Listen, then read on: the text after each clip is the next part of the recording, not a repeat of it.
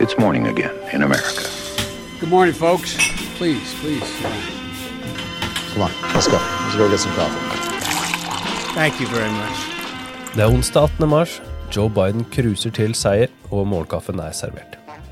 I natt fikk vi enda noen tegn på at det blir Joe Biden mot Donald Trump til eh, høsten.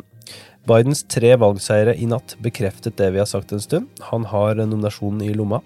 Han vant Florida med 39 prosentpoeng ned til Bernie Sanders, Illinois med 23 prosentpoeng og Arizona med rundt 12 prosentpoeng. Han drar enda lenger fra i antall delegater, og Bernie Sanders må nå bestemme seg for når og hvordan han skal kaste inn håndkleet. Senator Sanders and his supporters have brought a remarkable passion and tenacity to all of these issues. And together they have shifted the fundamental conversation in this country. So let me say, especially to the young voters who have been inspired by Senator Sanders, I hear you. I know what's at stake. I know what we have to do. Our goal as a campaign, and my goal as a candidate for president, is to unify this party and then to unify the nation. Ohio valgte til slutt å utsette valget grunnet koronakrisen, og Biden talte hjemme fra Delaware grunnet anbefalingen om å unngå ansamling av mer enn ti personer. I the and the poll workers who work closely with the public health authorities to assure safe opportunities for voting, to clean and disinfect voting booths, and to make sure the voters could cast their ballots while maintaining a distance from one another that was safe. You know, it's important for us to get through this crisis, protecting both the public health and our democracy.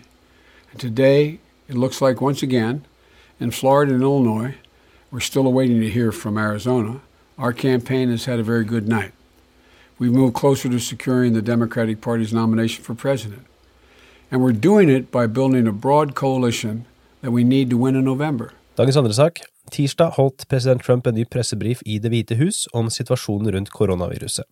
Sammen med visepresident Mike Pence, finansminister Steve Mnuchin og resten av administrasjonens task force orienterte Trump pressen om flere nye tiltak. Den store nyheten var de omfattende økonomiske planene som finansminister Mnuchin la fram. I den forbindelse kom forslaget om å sende penger direkte til folk i løpet av de neste to ukene for å gi amerikanere bedre mulighet til å takle konsekvensene av koronaviruset. You can think of this as something like business interruption payments for the American workers. We're looking at sending checks to Americans immediately. Americans need cash now, and the president wants to get cash now. And I mean now in the next two weeks. How much? Uh, I will be previewing that with the Republicans. There's some numbers out there. Tidligere presidentkandidat Andrew Yang, som hadde sin freedom dividend, der han skulle sende 1000 dollar til hver eneste amerikaner som en sentral del av sin kampanje, hadde følgende å si. We all know that financial insecurity has been pervasive in this country even before this crisis, and so most families are not equipped to hole up for weeks or even months on end. So getting cash into Americans' families' hands is 100% the right move. I'm thrilled that they're doing the right thing. Trump bekreftet også en utvidelse av online Medicare-tjenester. Uten ekstra kostnad kan amerikanere med Medicare nå rådføre seg med helsepersonell via tjenester som Skype og FaceTime for å lette belastningen på helsesystemet. Det har også vært møter mellom Trump og turistnæringen, de store hurtigmatkjedene og store kjeder som Walmart for å diskutere deres rolle i koronasituasjonen. Trump uttalte for øvrig at han hadde forståelse for å utsette primærvalget i Ohio, men ønsket ikke å spekulere i hvordan koronaviruset potensielt kan påvirke valget i november. Når det gjelder Maryland, så utsetter de primærvalget. Utsettelsen ble bekreftet av guvernør Larry Hogan på tirsdag. Maryland skulle opprinnelig avholdt primærvalg 28. april, men dette er nå flyttet til 2. juni. Grunnen er naturligvis spredningen av koronaviruset. Det betyr at Maryland nå føyer seg inn i rekken av delstater som har kommet til samme avgjørelse. Louisiana, Georgia, Kentucky og Ohio har alle sett seg nødt til å utsette sine primærvalg. Diskusjonen om å stemme via post har blitt mer reell ettersom koronaviruset har blitt mer omfattende.